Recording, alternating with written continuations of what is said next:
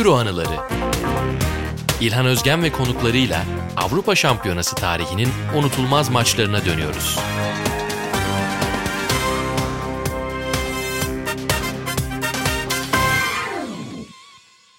Selamlar Euro anılarında son bölüme geldik artık.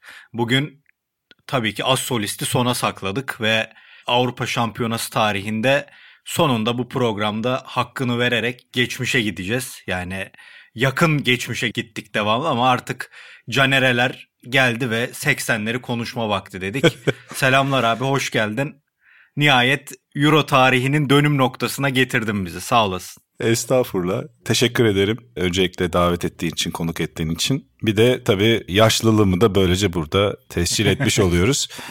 Ya ama hakikaten yani şimdi düşününce Euro tarihi deyince 80'lere gitmeden bu podcast'i sanki bitirmemek lazımdı değil mi İlhan?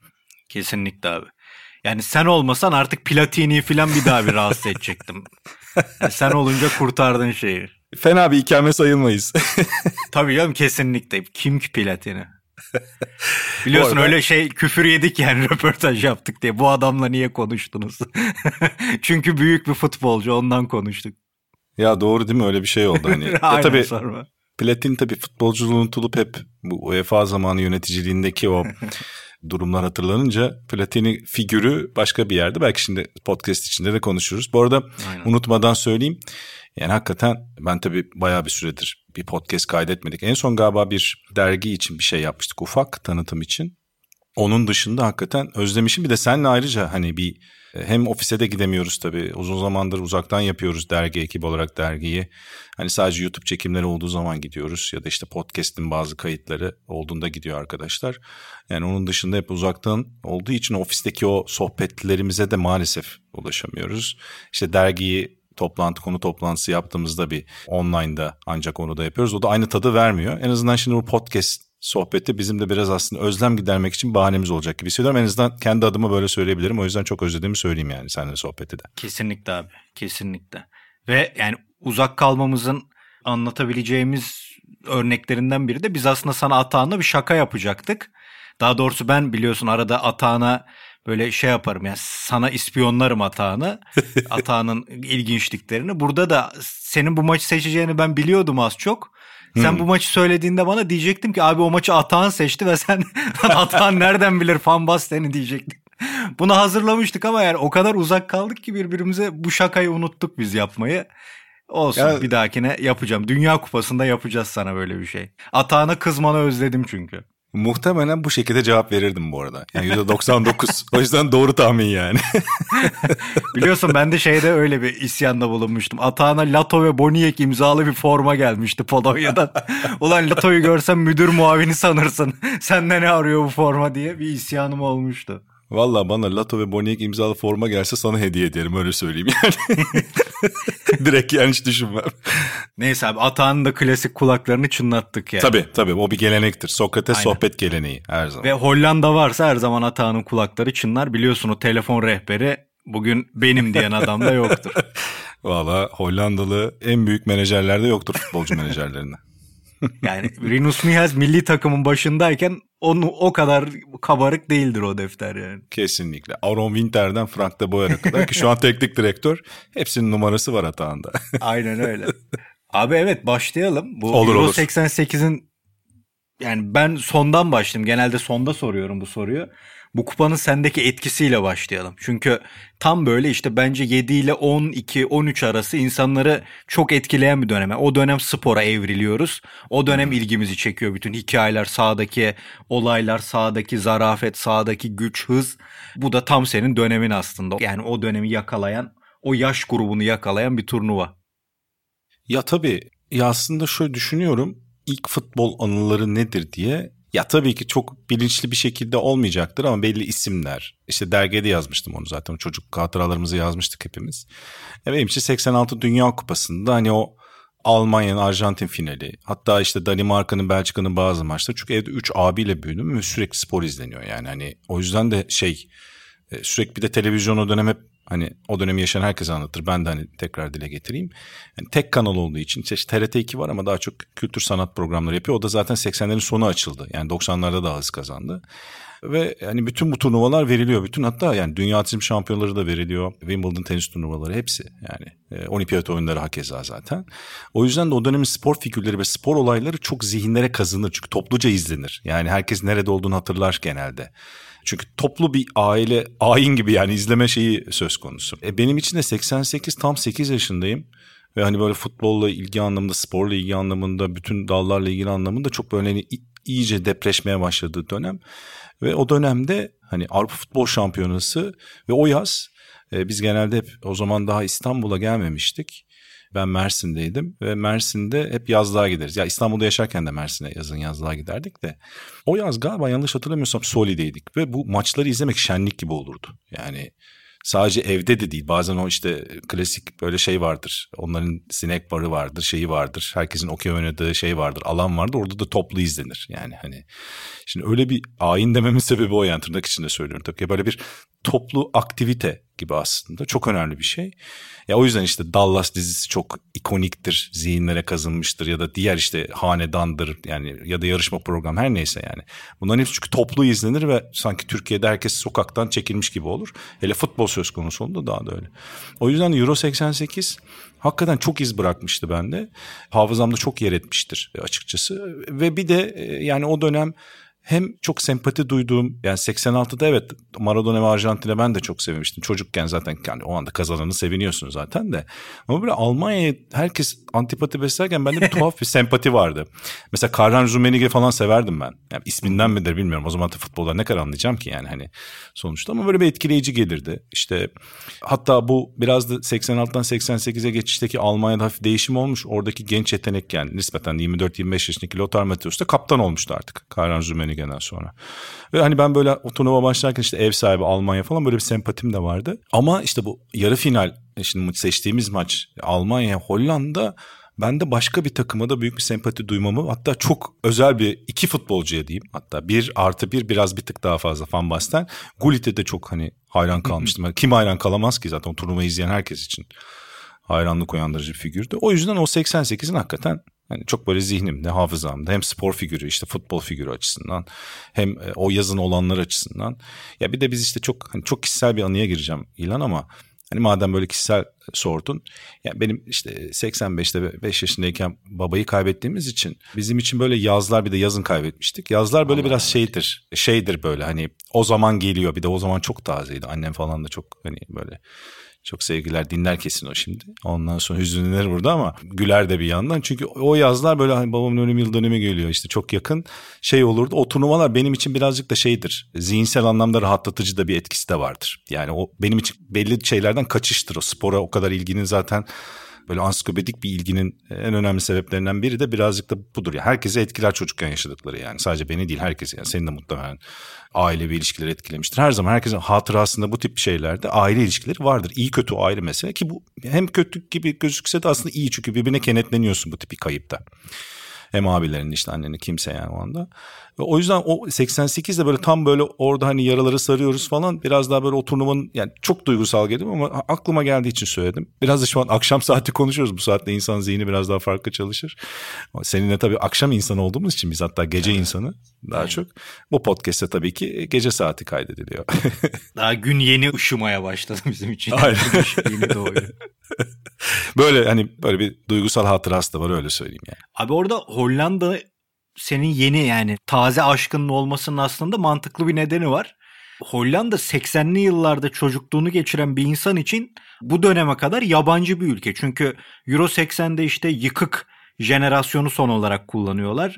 82, 84, 86 hep uzaklar bu sahnede. Hep eleniyorlar, elemeleri aşamıyorlar ve burada nihayet o Hollanda'yı görüyorsun ve hakikaten de bireysel oyuncularıyla ki ben bu turnuvayı yani bayağı bir baştan sona izledim birkaç kez. Yani 74 Hollanda kadar acayip şeyler yapan, futbolu değiştiren bir takım değil ama bireysel olarak futbola hatta 90'lara kadar uzanacak o imza durumu var ya yani diyorsun ki Gullit, diyorsun ki Kuman, diyorsun ki Rijkaard. Ya bunların hepsi bireysel anlamda gerek kulüplerine gerek milli takıma acayip şeyler vermiş büyük yıldızlar. O açıdan da hani takım olarak bir şeyi değiştirmediler belki ama bireysel anlamda yine futbolu değiştiren adamlar var.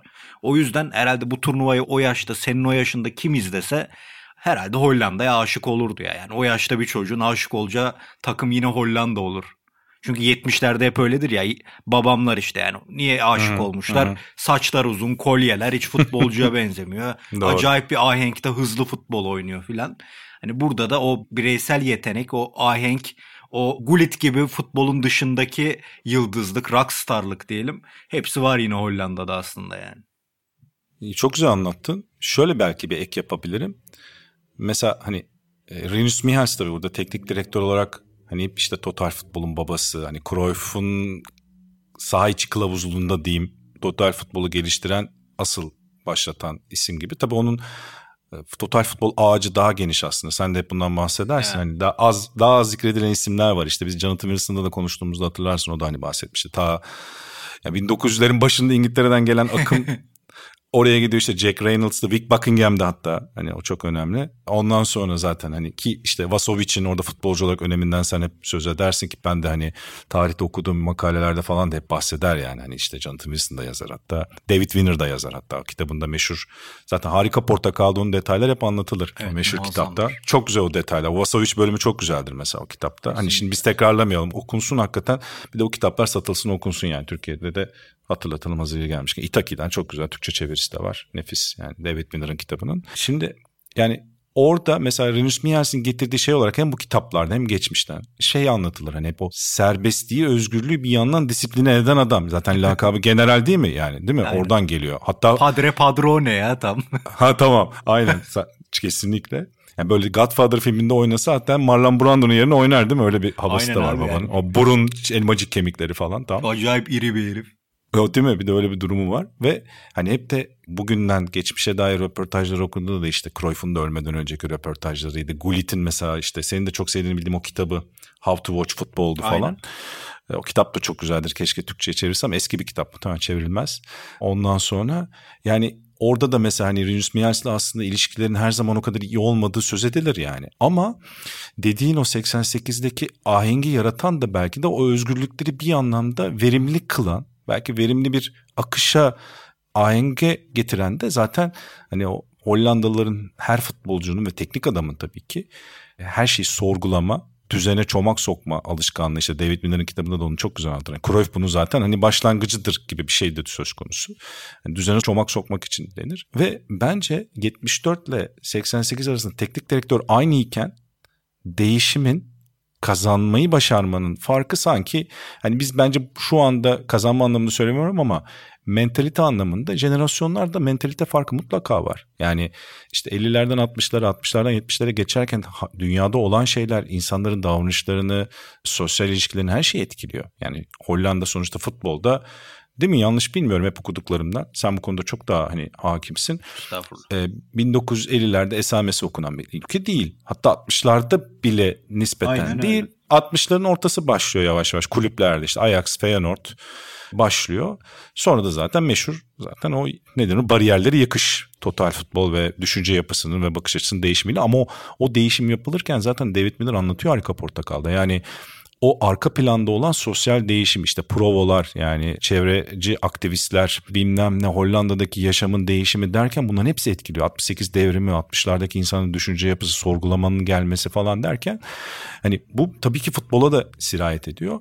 Ama bir yandan 80'ler bir sonraki jenerasyon o jenerasyondan etkilenip yani o 70'lerdeki oynayanlardan etkilenip çoğu belki de öyle futbola başlayan bir de bence ekstra e, göçmenler işin içine giriyor. Yani Rijkaard ve Gullit'in o bence çok önemli bir nokta. Hani hep sokakta futbol oynayarak başlayan ikisi. Mesela Surinam kökenli. Babaları aynı anda göçmen olarak giriyorlar. Galiba 50'lerin sonu geliyorlar yanlış bilmiyorsam.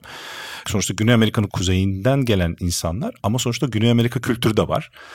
Ve ikisi de yanlış hatırlamıyorsam 1.90 üstü olması lazım. Çok fizikliler, atletler. Abi oyun hilesi gibi adam ya. İkisi İnanılmazlar yani. Ve o dönem için hani şimdi işte NBA oyuncuları o dönem dönemsel olarak karşılaştırıldığında fiziksel evrimin aslında ne kadar önemli olduğu unutuluyor ya bazen. Yani işte hız, atletizm, çabukluk, e bir de antrenman rejimi geliyor, beslenme geliyor. 10 yıldan 10 yıla yaptığımız şeyi aslında 5 yıldan 5 yıla bile yapabilirsin o değişim artık çok daha keskin oluyor. İşte Kozmos'ta anlatılıyor o değişim zaten. Yani o zaman kısalıyor, değişimin zamanı azalıyor, süreci azalıyor. Neyse e bir de onlar etkileniyor. E tabii ki 80'lerdeki gençler, yetenekler, e Cruyff gibi insanlarla çalışıyor. Bu takımın önemli bir bölümü Cruyff'la bir şekilde teması var. Bu arada o da çok... Yani, yani işte burada Ray... PSV'liler bile Ajax'tan çoğu yetişme. Kuman gibi, Vanenburg gibi. Onlar bile Ajax'ta tedrisattan geçmiş yani. Ve bence bu biraz bu takımın farklılaşmasını getiriyor. Ama bazı Hollanda gelenekleri de sürüyor tabii işte takım içinde şey ama bu takım biraz daha birliktelik gösteriyor. Bunda işte Rinus Mias demin söylediğim şey var. Çok uzatmayayım. Hani bir sürü şey konuşuruz şimdi detay konuşuruz. Bir yandan da takımda hakikaten müthiş bir ahenk var. Bir de sadece gençler değil bir iki deneyimli ismin olması burada bence mesela etkili de oluyor. Bunu Mihals ilk Vasovic'le de yapıyor ya Ajax'ta. yani o gençleri yönlendirsin diye özellikle savunmada libero olarak deneyimli bir ismi kullanması. Bir yandan burada işte Müren var mesela. Yani o da önemli. Orta sahada hep Wouters var. Biraz daha nispeten deneyimli bir orta saha. Hani tutkal oyuncular da var. Bence o da işte Erwin Koeman mesela çok zanaatkar daha yani sanatçıdan çok daha zanaatkar bir oyuncu mesela. Ya bunlar böyle bu yetenekleri, büyük yetenekleri işte Rijkaard çok büyük yetenek. Van Basten çok, Gullit müthiş bir yetenek. Bunları birbirine biraz bağlayan Van Enbroek da mesela daha zarif bir yetenek. Biraz böyle ki o da Surinamlı onu da söyleyelim. Onu da unutmayalım. Aynen. Süper hatırlat kesinlikle. E, yani biraz da bence bu takımın 80'lerden gelen hem jenerasyon değişimi hem bence Hollanda'nın dıştan gelen göçmen farklı bir yetenek havuzuna da kavuşmasıyla orada biraz daha bir tık daha seviye atlıyor ve kazanan bir takıma dönüşüyor gibi geliyor bana. Bir daha bir şeyi de unutmayalım. Şimdi 74'e gelirken Hollanda işte 71, 72, 73 Ajax Avrupa'nın zirvesinde. Burada da Yine zirvede bir kulübü var. PSV ama hiç o Ajax gibi futbol oynayarak oraya çıkmıyorlar. Yani 1-1 ve 0-0'larla kupayı alan ilginç bir takım. Gusidink'in de piyasaya çıktığı, Avrupa sahnesine çıktığı takım. Oradan da işte Van Broekelen gibi, Koeman gibi, Van Tigelen gibi oyuncular var. Vanenburg gibi oyuncular var. Ama yani o 70'lerdeki o Ajax gibi bir etkisi olan bir takım değil. Ne diyelim Avrupa futbolunun boşluğunu değerlendiren o üçlü Steaua Bükreş, Porto ve PSV. Zaten ondan sonra İtalyanlar tekrar dirilecek ve başa geçecekler ama o 3 sene yani İngilizler seninle hep konuşuruz cezalı. İtalyanların iki büyüğü Roma ve Juventus çöküşte. O arada o 3 senede bayağı bir kurtlar sofrasına dönüyor Avrupa Şampiyon Kulüpler Kupası ve ilginç şampiyonlar çıkıyor. PSV'de onun sonuncusu diyelim. Aslında çok güzel bir konuya değindin. Çünkü hep hani Ajax hatta Feyenoord çok bahsedilir işte yeteneklerin evet. çıktığı yerler. Özellikle Ajax modeli diye hep konuşulur ama hatta 60'lar sonu 70'lerden bahsederken de işte hep Ajax ve hatta Feyenoord'dan bahsediyoruz. Hatta Feyenoord Ajax'tan önce kazanıyor. Sen de zaten Ernst Appel'den özellikle Aynen. bilgin vardır yazarsın ki 78'de de hep unutulur. E, Hollanda'nın başında Ernst Appel var mesela teknik direktör evet. olarak. O da ilginç bir detaydır aslında bence. Ve o 78 takım işte hani sen oradan başladığın için söyleyeyim. Hani Cruyff'suz ama bir yandan belki fiziksel olarak biraz daha farklı oyuncular. işte Van der Kerkhoff kardeşler var. Ondan sonra işte orada Arihan Rutkrol biraz daha etkenler. Velhasıl hani o takım mesela onlar da çok şanssız kaybediyorlar. Yanlış hatırlamıyorsam Hanegem'in miydi? Acayip direkten dönen bir topu vardı. Rensenbrink'in aynen. Ha Rensenbrink'in pardon. Rensenbrink'in bravo aynen. Velhasıl oradan da gelen hani bir kayıp var. Hep 74 üzerine konuşuruz ama 78, 78'deki 74 kaybı üzerine hani e, toplumsal olarak şey der işte David Miller'ın da kitabında Hollandalılar o maçı nerede, nasıl, hangi dakikada ne yaptığını nasıl izlediğini hatırlayarak hatırlar. Öyle bir travmadır der. Yani Hollanda'nın total total futbol total travma oluyor orada aslında. onlar için ve e, o yüzden de zaten ondan sonra 4 yıl sonra bir daha bir finale gitmeleri çok acayip bir şey. Yani Aynen. işte o hep sorgulamaları, birey olarak kendilerini geliştirmeleri, toplumsal bir çöküş yaşayıp bunu hem birey hem de total olarak tekrar bir toparlamaları orada çok önemli. Üstelik farklı teknik adamla gidiyorlar ve en büyük yıldızları yok. Yani yönlendirici adam yok yani Cruyff. O yüzden de çok bence çok daha ekstrem özel bir başarı yani gibi geliyor bana açıkçası 78'deki. Şeye gelirsek de PSV hakikaten çok acayip bir detay. Çünkü dediğin gibi hatta ben şeyi hatırlıyorum. O sene Galatasaray'la eşleştiği için o evet, yolda evet. giderken hatta Cüneyt Tanman'ın golü vardı yanlış hatırlamıyorsam. PSV'yi o yolda zaten yenen galiba tek takımdı Galatasaray. Evet, 1-0 evet. yenmişti. 2-0 1-0 eleme turunda. Ve yani orada mesela hep hatırlıyorum o takım böyle hani hep 2010 Dünya Kupası'nda Hollanda işte kazanamadığı için tarzını tarzını değiştirdi denir ya. Hollanda aslında o zaman da sert oynamayı başarıyordu. Çünkü fiziksel olarak daha farklı bir yeni nesil vardı ve teknik teknik taktik olarak sonuçta başka teknik adamların da angajmanları devreye giriyordu. İşte enjeksiyon devreye giriyordu fikirleri. E, Gusiding mesela bunun bir örneği ve e, zaten mesela burada bence en önemli şey bu takımın sen de söyledin ama tekrar hatırlatmakta yarar var yani. Mesela Fanar'le PSV, Sabek, Aynen. Fanti gelen Anderlecht'ten ama o da daha o şeyi oynayabilen bir oyuncu. Kuman zaten geride olağanüstü bir fiziksel yapı ve aynı anda hem çok kuvvetli hem de üstüne üstlük bir orta saha gibi top yönlendirebilen En önemli adam. özelliği aynen akıl almaz ee, bir top tekniği.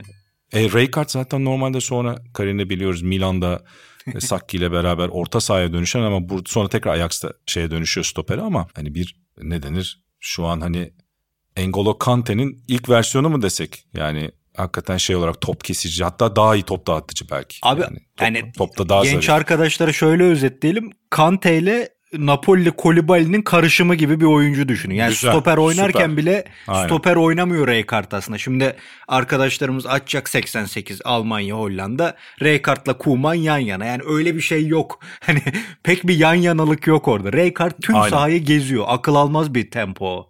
Hani şey var ya, ya müthiş. bilardoya diyorlar niye 3-5-2 oynuyorsun? Çünkü R kardım yok diyor. R kartı verin ben de 4-4-2 oynayayım. Yani, e yani anladın mı? Yani. Bütün işte hani total futbol ya da işte Hollanda'nın oynadığı ahengin içinde alanları daha doğrusu oynanan alanı total alanı kısaltmak ama oynanan total alanının içinde de en çok alanı kaplayabilmek ve e, işte geometrisi bütün hepsi hatta Pisagor'dan falan da bahseder ya David Miller o kitabın içinde o bütün Hı-hı. hesaplamalardan. Onun içinde Raykart şey gibi Öklit gibi kalıyor ya da işte matematik deyası gibi kalıyor hakikaten. Ama bir yandan da onu tempo ile yapıyor. Yani muazzam bir adam hakikaten. Çok kuvvet, çok kuvvetliler fiziksel olarak. e orta saha bakıyorsun Wouters, Müren, Dinamo gibiler. Erwin Kuman Dinamo gibi. Vandenburg öyle. Gullit yani kaleye koy oynar. Sağ bek koy oynar. Zaten maçın sonuna doğru yani... E, e, diğer mevkisi stopere de geçiyor. Biliyorsun Milan bunu libero oynarken beğeniyor hazırlık turnuvasında. Yani öyle saçma ya. bir adam ki. İnanılmaz. Kitabını anlatıyor değil mi onu? Brayda buna geliyor şey diyor. Seneye Milan'da oynayacaksın. Aa, aynen aynen abi. Evet, ha. evet. Ya zaten orada şey de var. Buna Cruyff çok pozisyonda oynama yeteneği olduğunu şey yapıyor Feyenoord'dayken. Ve evet onun da yolu yani, öyle kesişiyor Cruyff'le haklısın. Oyuncu Aa, oyuncuyken kesişiyor evet.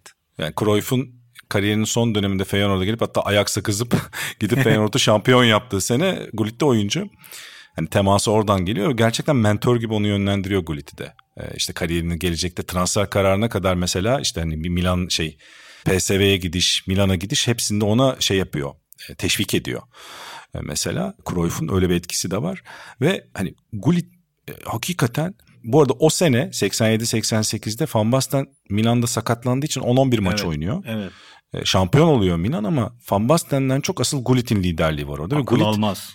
Van Basten sakat olduğu için daha çok hücumda oynuyor. Aslında bu turnuvada hücumda bu kadar etkin olmasının en büyük sebeplerinden biri normalde sağ kenar oynayan, orta sahada oynayan, geride hatta DM yani işte bu ne diyeyim sonradan Rijkaard'ın şeyde oynadığı rol ki sonradan Sampdoria'da da oynadı o rolü. E, evet. Şey Gullit. O rolü mesela oynuyor. Sağ bek oynamışlığı var kariyerinde. yani o yüzden zaten çok pozisyon, çok yönlülük var. Bir de fiziksel olarak çok hakim her şeye. Çok kuvvetli. e, o sene bir de golcü pozisyonunda santrafor gibi oynayınca e, Hollanda'da zaten Van Basten çarpı iki gibi durum oluyor. Van Basten artı Gullit hücum tarafında. Şimdi bu takım hakikaten yani demin söylediğim PSV'nin de etkisi var enjeksiyon. Sadece Ajax kökenli değil başka felsefelerin de devreye girdi ve bence biraz daha farklı bir sentez, farklı bir kokteyl açıkçası 70'lerdeki takımdan. Aynen öyle. Daha ilginç. Haklısın. Şimdi biraz Çok da uzattık Alman... ama e, istiyorsan maça böyle detaylarına gireriz yani. Böyle insanları sıkmadan böyle Hollanda tarihi gibi oldu ama. Aynen. Onun için biraz Almanya'ya şey yapalım diyecektim. Tamam. De, Almanya'da hani 86'da final oynayıp geliyor ama daha böyle yenilenen bir Almanya. Yani 90 Dünya Kupası'nın provası gibi aslında kadro. Biraz daha değişiklikler oluyor 86'ya nazaran. İşte İtalya, İspanya, Danimarka grubundan Almanya geliyor buraya. Hollanda'da ilk maçında ilginç bir Sovyetler mağlubiyeti. Daseyev şovu olan bir maç. Daha sonra İngiltere karşısında Van Basten esas senin adamın daha gelmedin oraya. Dinleyiciler nerede Van Basten demesin Caner abi en sona saklıyor kahramanını.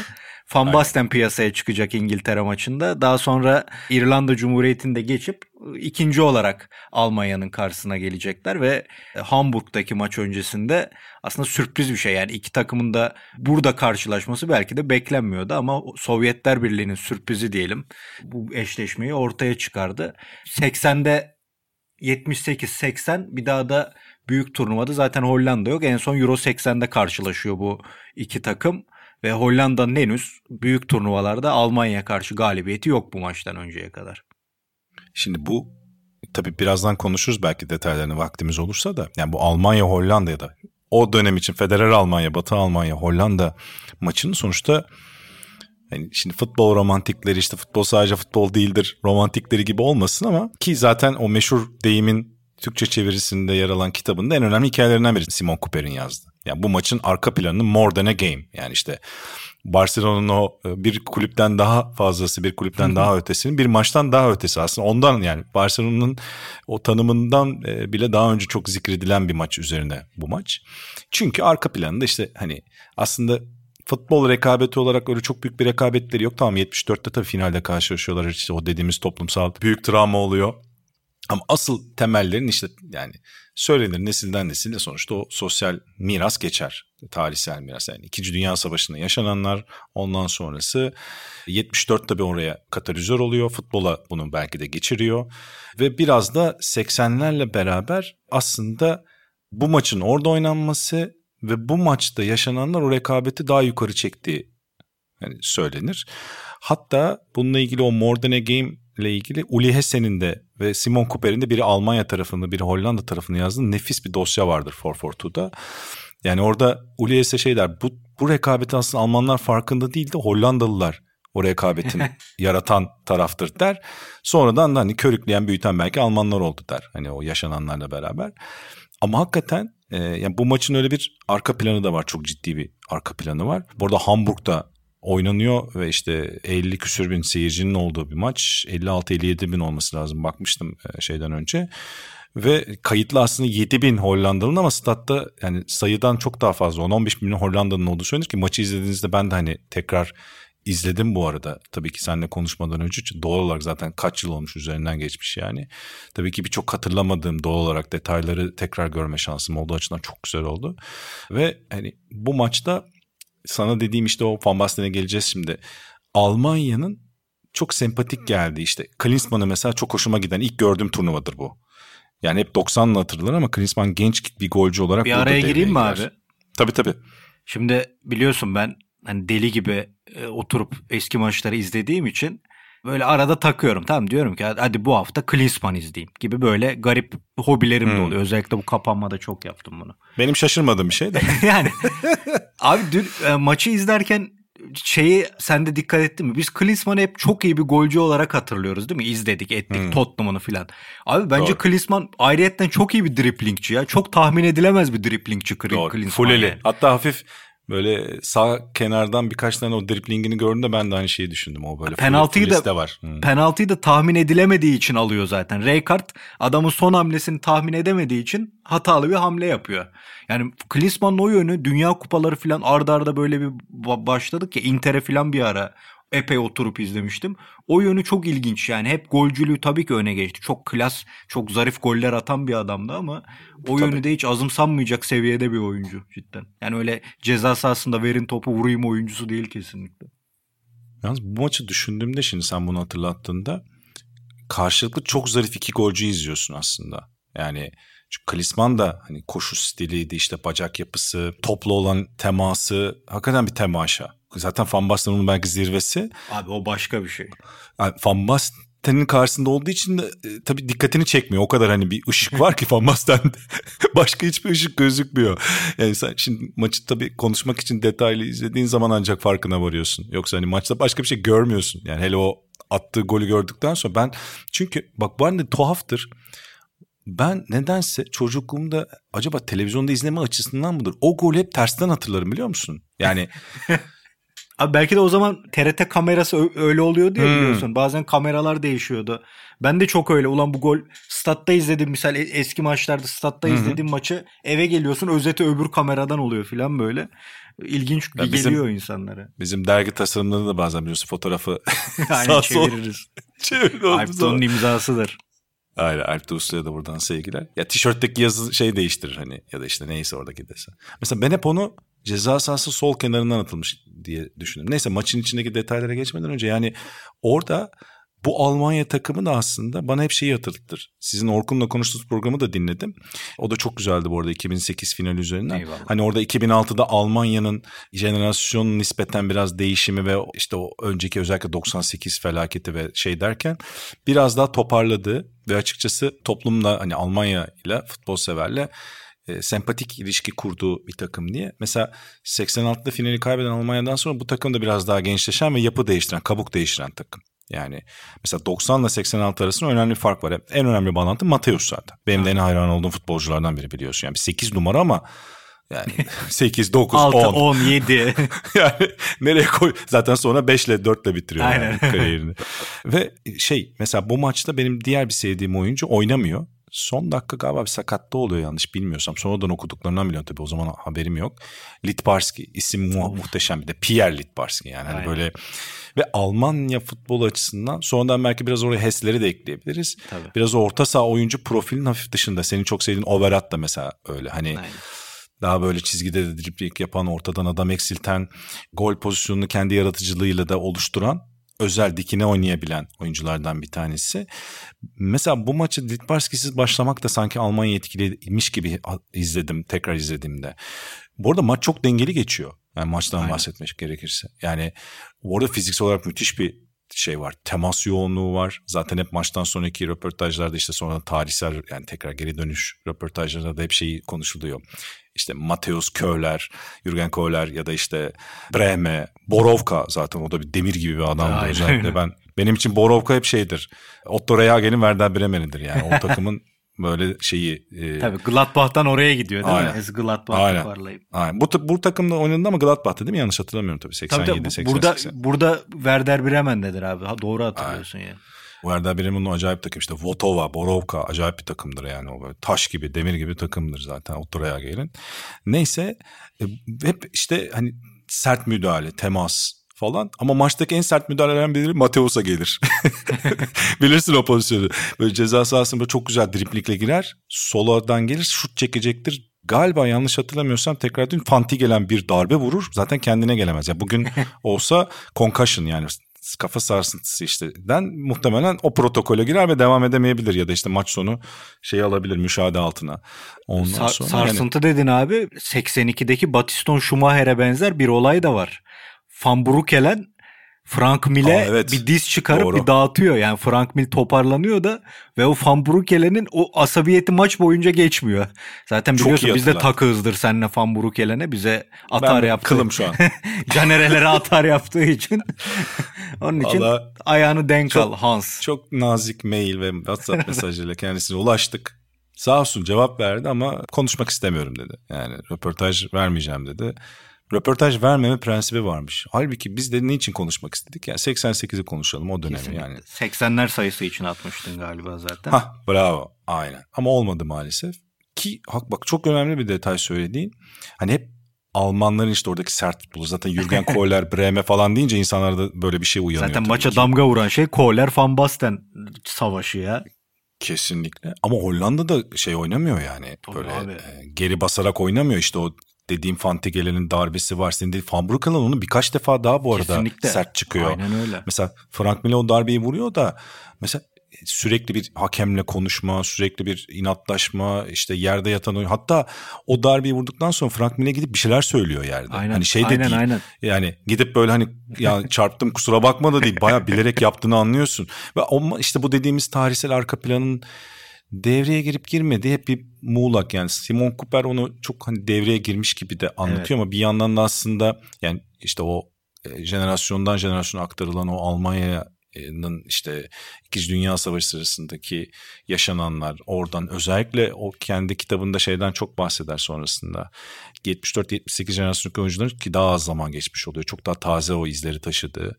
Özellikle bazı oyuncuların işte Ruth Kroll'undu galiba babası e, direnişte e, yer alıyor mesela. Willy Van Hanegem'in e, ailesi. Van Hanegem'in hatta ailesinden kaybediyor değil aynen. mi? Abisini aynen. kaybediyor, Abisini babasını, kaybediyor. Aynen abi. E, e, mesela Ruth Kroll de babası o zaman bir de tabii ki hani Yahudilere karşı evet. ciddi bir av var ve 13 Yahudi'yi dükkanında saklayıp hayatlarını kurtarıyor mesela e, Ruth Kroll'un babası da ve kendisi de bir partizan yani şey direnişte, rezistansta bulunuyor. Bu arada onunla ilgili benim daha iyi belki belgeseller filmler vardır ya beni etkileyen filmlerden bir tanesi Paul Verhoeven. Daha çok şeyle bilinir bu bilim kurgu filmleriyle bilinir ama onun Black Book diye Kara Kitap diye filmi vardır.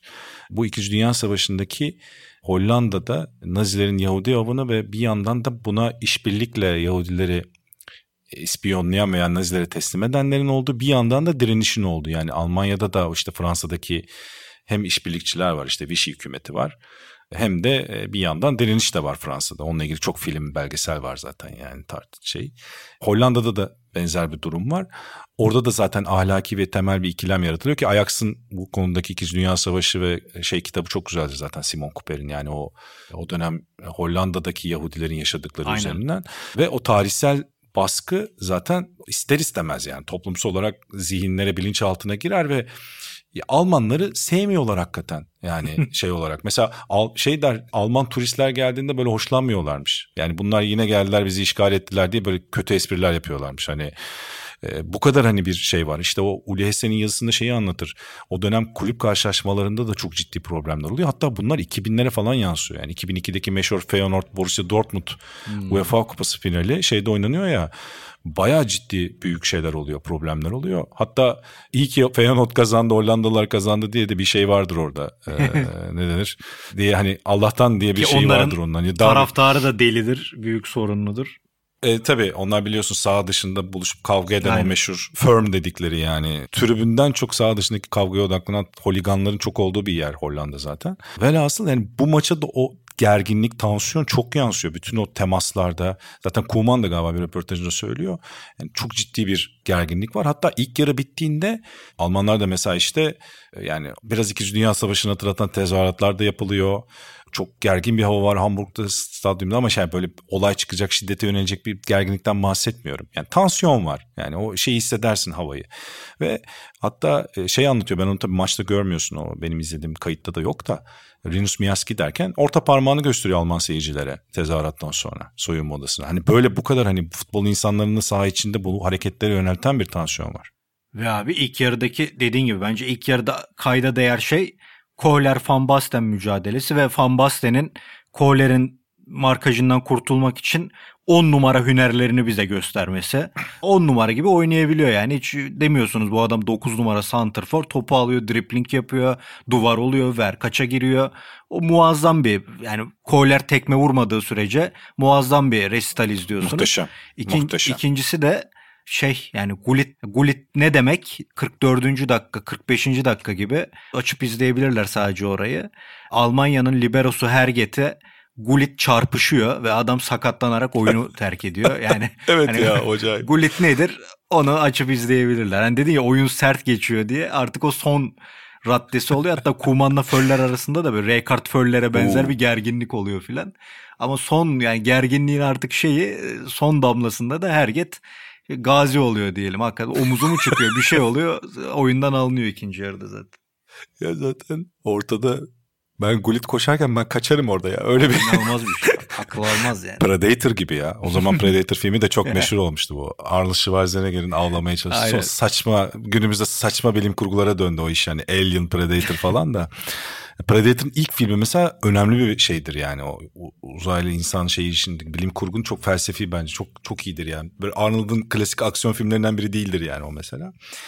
Ve Gullit de yani o saçlar, o fizik Acayip ortada evet. bir de kısa şortlar ya hani daha da böyle o kaslı üst bacaklar yani inanılmaz bir temaşa var ya. Şey işte bu David Miller kitabında da şeyi anlatır yani işte Hollanda'nın o meşhur olağanüstü izlenimci ressamların işte Vermeer'den zaten direkt hani en önemli ressamlara kadar uzanan o sanat üretme, yaratıcılık mevzusunun aslında 50'lerde 60'larda olmadığını tam tersi hep tekme atan hep böyle eski tarz futbol oynayan bir Hollanda'nın o toplumsal değişimle beraber kendini sorgulamayla beraber biz hayatımızın her alanında yaptığımız şeyden zevk alarak yaşamalıyız düsturuyla beraber futbola da bunu yansıtması.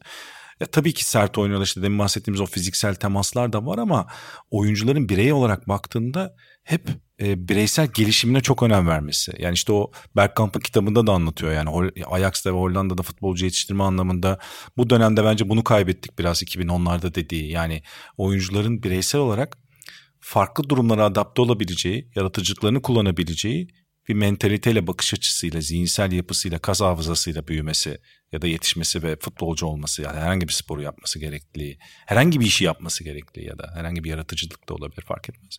Böyle olması gerektiği üzerinden bir felsefe üzerinden bir düsturları var ve bunu en çok herhalde simgeleyen de yani tamam Cruyff'ları falan tabii ki yani onları ayrı yere koyuyoruz da Cruyff'u ama bunun devamında 80'lerde versiyon olarak üstünde e, Van Basten ve Gullit geliyor kesinlikle. Yani özellikle hani Gullit'in bir de fiziksel gücü çok fazla onu da ekliyor.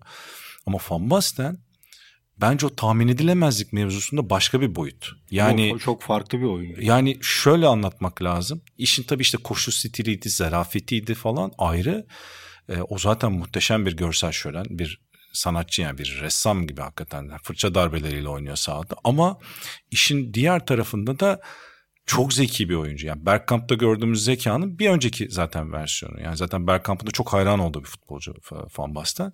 Ve işte o penaltı pozisyonundaki açısı ya da ondan önceki pozisyonlar hep ters tarafa yaptığı koşular e, çok asist yapan da bir futbolcu bu arada. Yani çok e, sadece gol atan bir golcü değil Van Basten. Alan açan, boşaltan hep Gullit de diyor mesela o kitabında da anlatıyor yani.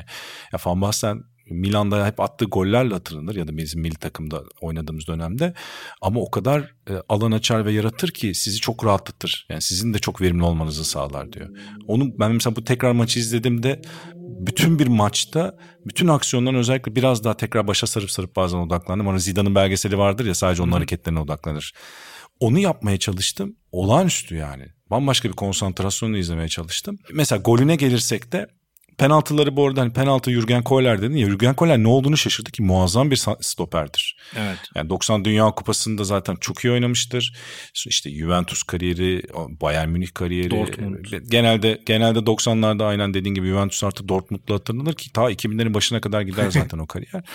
Ve yani herhalde en uzun süreli bu kadar üst seviye oynayan tarihin büyük savunmacılarından biri bence. Yani açıkçası zaten başarı hanesinde de baktığında bunu görüyorsun. Her gittiği takıma yükseltiyor bir oyuncu.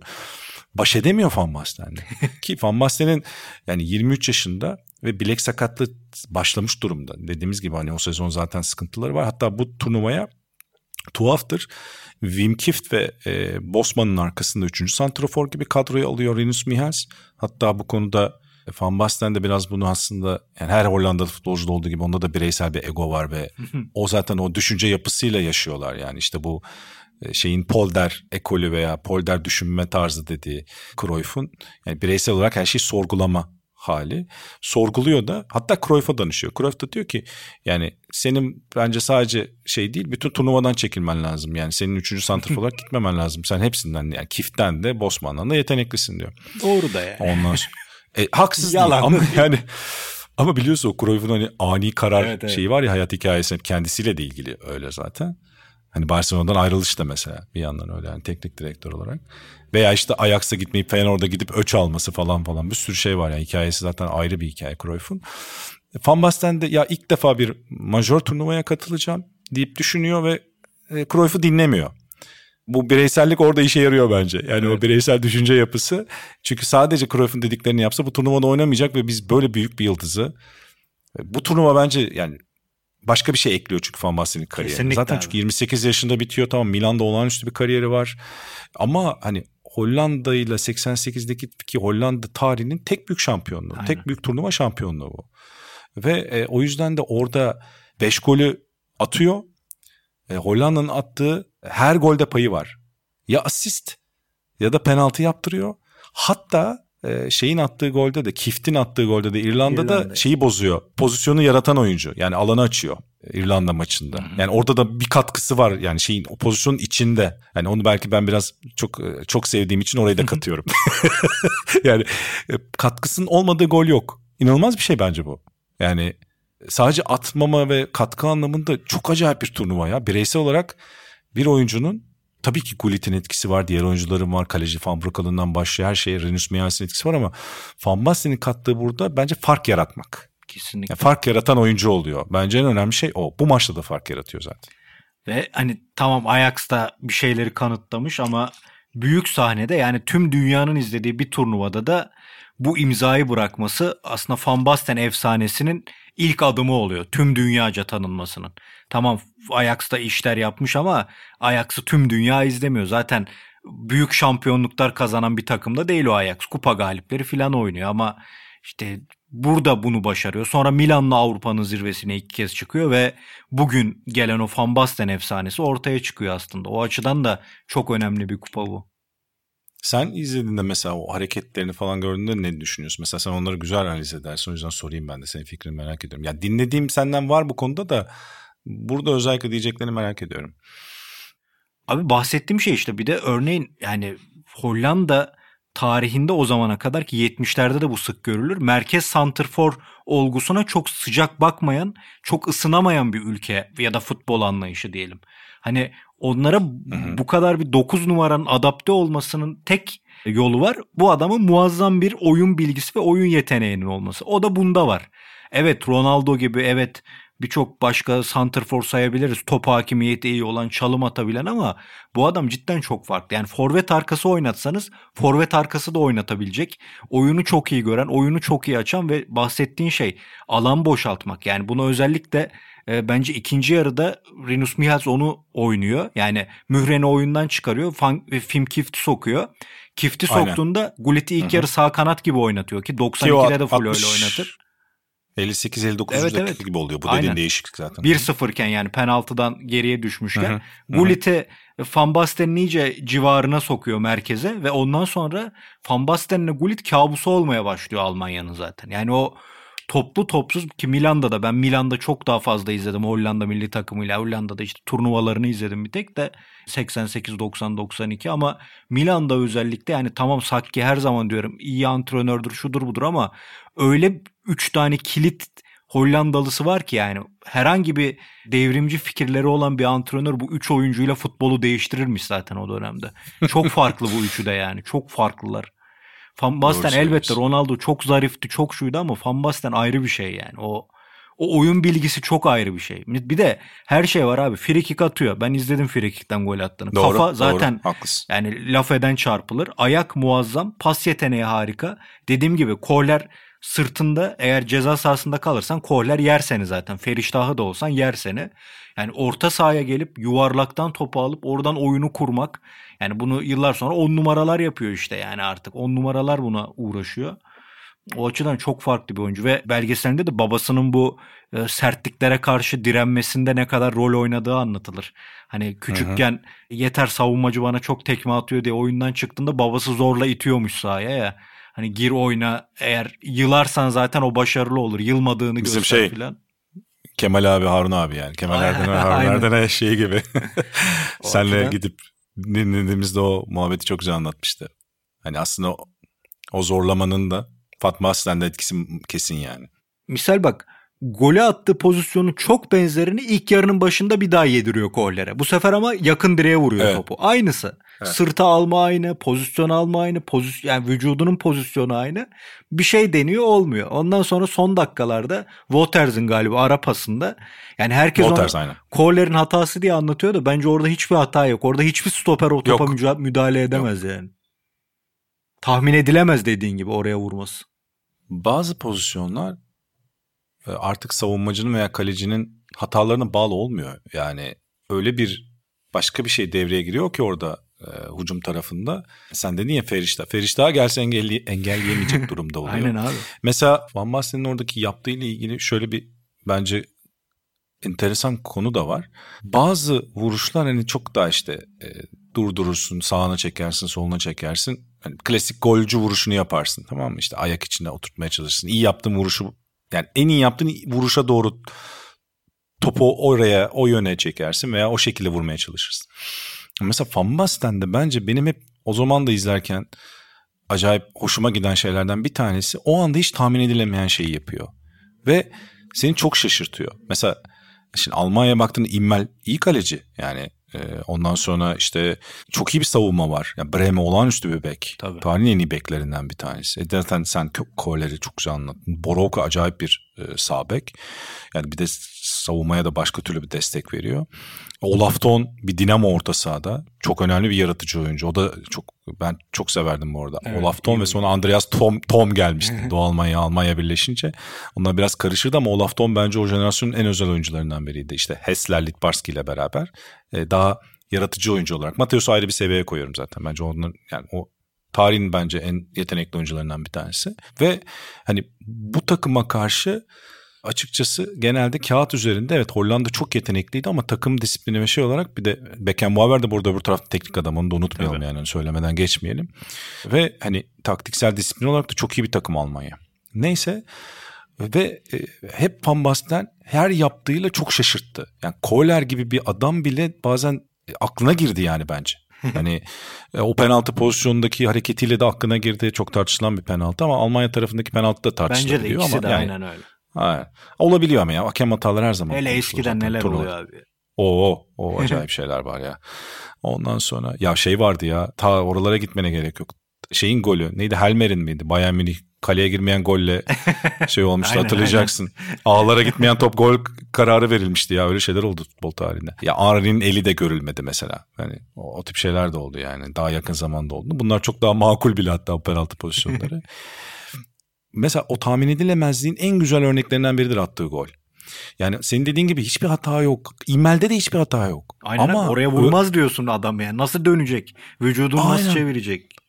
Topa öyle bir anda öyle bir açıda öyle bir şekilde vuruyor ki hani çok basit gibi gösteriyor ama çok zor bir gol.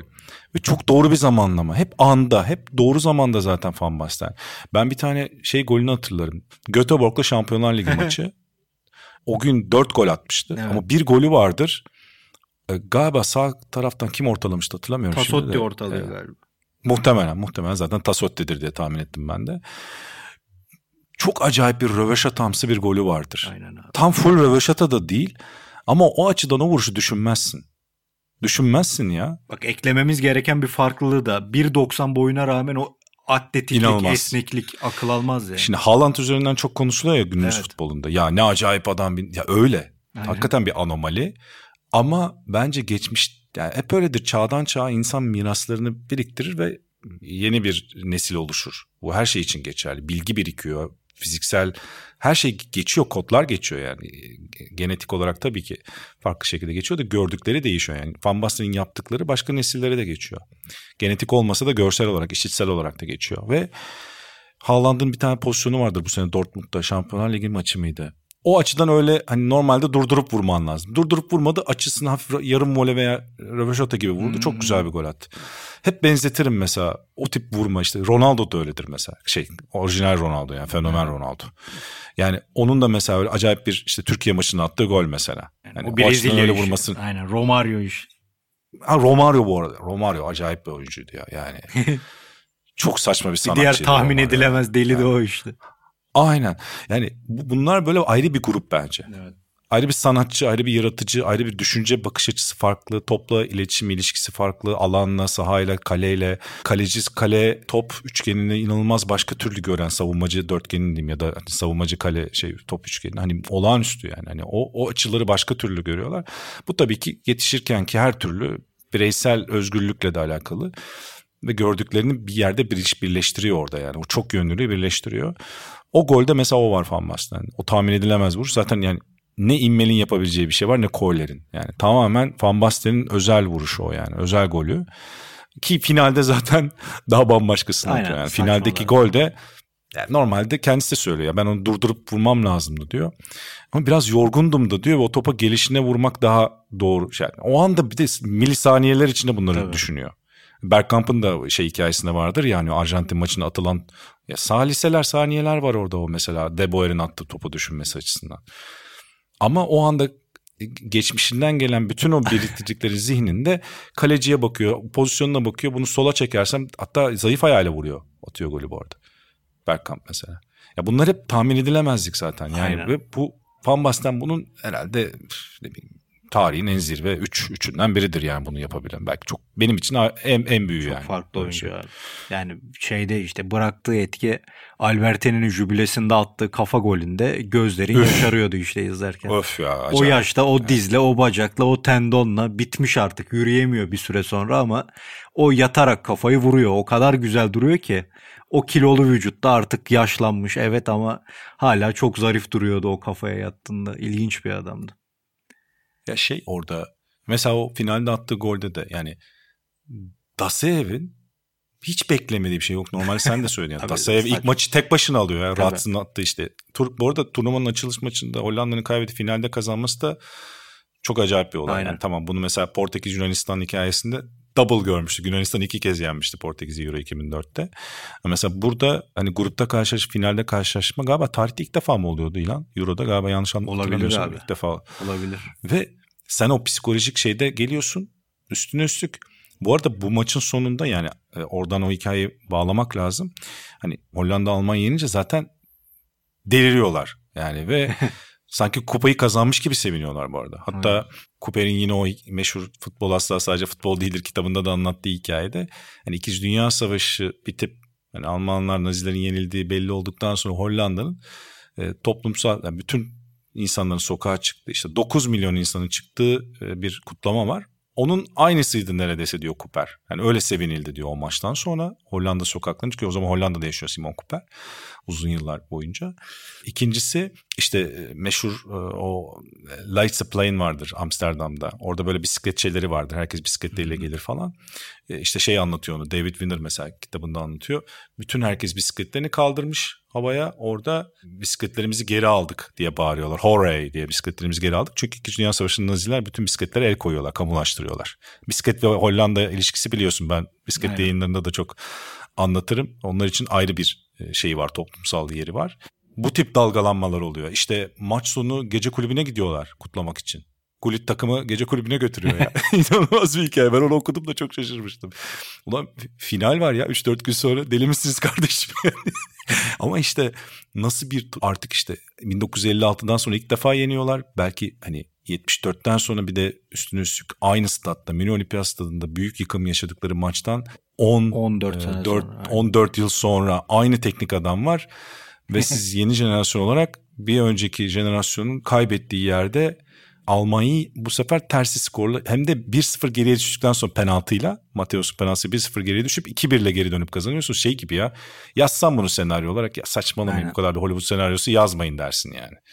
Yani öyle bir rövanştan bahsediyoruz. Ve bu rövanş hissi çok iliklerine kadar hissettikleri için de e, İkinci Dünya Savaşı'nın rövanşı, bütün o yaşananların rövanşı, Almanlar hep bizi yeniyorun rövanşı. Bu, hiç yenemiyorlar çünkü Tabii. şey maçta, resmi maçta e, bir kez bile yenemiyorlar. Bir kez beraber kalıyorlar değil mi galiba? Aynen 78'de o tırt Almanya'yı bile yenemiyorlar işte düşün. Bunlar final oynuyor ama yine yenemiyorlar o Almanya'yı.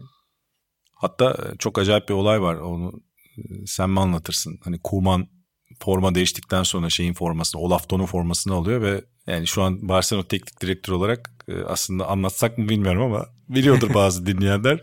Meşhur formayı alıp e, poposunu siliyor. Yani o formayla ve bu görüntü yani şey oluyor ortaya çıkıyor.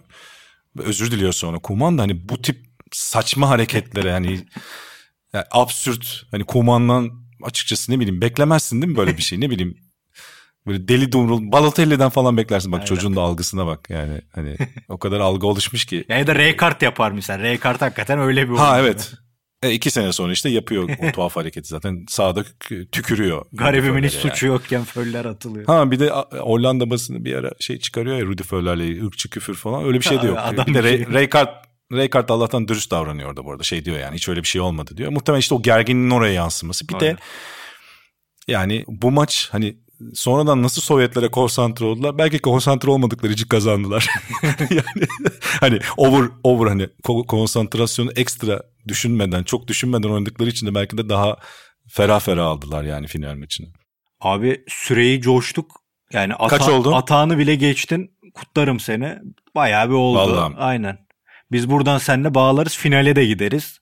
Oradan 90 Dünya Kupası'na geliriz. Biz durmayız yani ama dinleyicilere bir şey verelim. Bir dinlenme, bir kendilerine Haklısın. gelme. Yoksa biz yani ikimiz başladık mı seninle buradan daha işte Demyanenko'ya gideriz. Aleynikoni'ye İtalya'da olmadıya gireriz.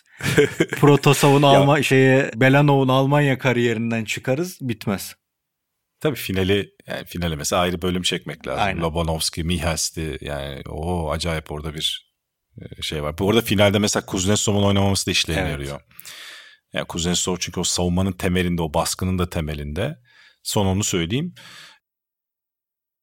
Ama tabii ki yani futbol bu zaten yani sonuçta eksikler oluyor, artılar oluyor. Hollanda'nın da sonuçta orada acayip bir duygusal boşanımdan sonra hani o maça çıkması da belki Sovyetler için avantaj olabilir. Ama sonuçta sahada ki o maçta da ilk golde Van Basten asist yapıyordu. Van Basten de sonra Oradaki Gullit'in golü de çok güzeldir. O darbeli kafa of. tarihinin en iyi darbeli kafalarından biridir. Biliyorsun yani. ilk Muazzam, toplantılarda muazzam. poster önerim sürekli abi o kafayı yapalım rastalar vursun gelsin. Onu yapmadık değil mi ya? Onu yapalım. Evet ya onu yap. Abi Kuznetsov'a da şey diyeyim birader sınırdasın da daha ya maçın evet. birinci dakikasında gidip niye Donadoni'yi arkadan dalıyorsun sen? Doğru ben Biraz... sakatlık dedim pardon şeyden yok. Karttan kart yok. cezası yani. Kart cezasından Abi, yok. Finali biz maç kasetinde konuşuruz. Bak 13 Mayıs 2002 Lobanovski'nin ölümü. Oo. Biz onun yıl dönümünde 2022 Mayıs'ında bu maçı bir maç kaseti yaparız. bir sene sonra ya şey verdik. Aynen. Bakın ya da bu... Kiev yaparız 86 filan. O da olur olur. Ya ona zaten burada yetmez yani. O yüzden bu dakikaya kadar, bu saate kadar bizi dinlediğiniz için teşekkür ediyorum diyeyim. Öyle bitireyim bari. Ayrıca seninle sohbet dediğin gibi ya otururuz burada 6 saat konuşuruz. Aynen. Tefrika olur. Özlemişim de o yüzden kusuruma bakmasın herkes. Aynen Sen de kusuruma ya. bakma lütfen yani. Yok ben kusuruna bakmıyorum zaten. Aynı şekilde. Biz de devam ederiz buradan hiç de sıkılmayız. Teşekkür ederim abi. Çok ben teşekkür ol. ederim. Ben çok teşekkür Sık ederim olma. İlan. Çok sevgiler. Euro anılarının sonuna geldik. Sona yakışır bir son oldu bence. 10 bölüm bizleri dinlediğiniz için inşallah o maçlara götürmüşüzdür, becerebilmişizdir o duyguyu vermeyi. Çok teşekkür ederiz. Başka bölümlerde, başka podcastlerde görüşmek üzere diyelim. Hoşçakalın.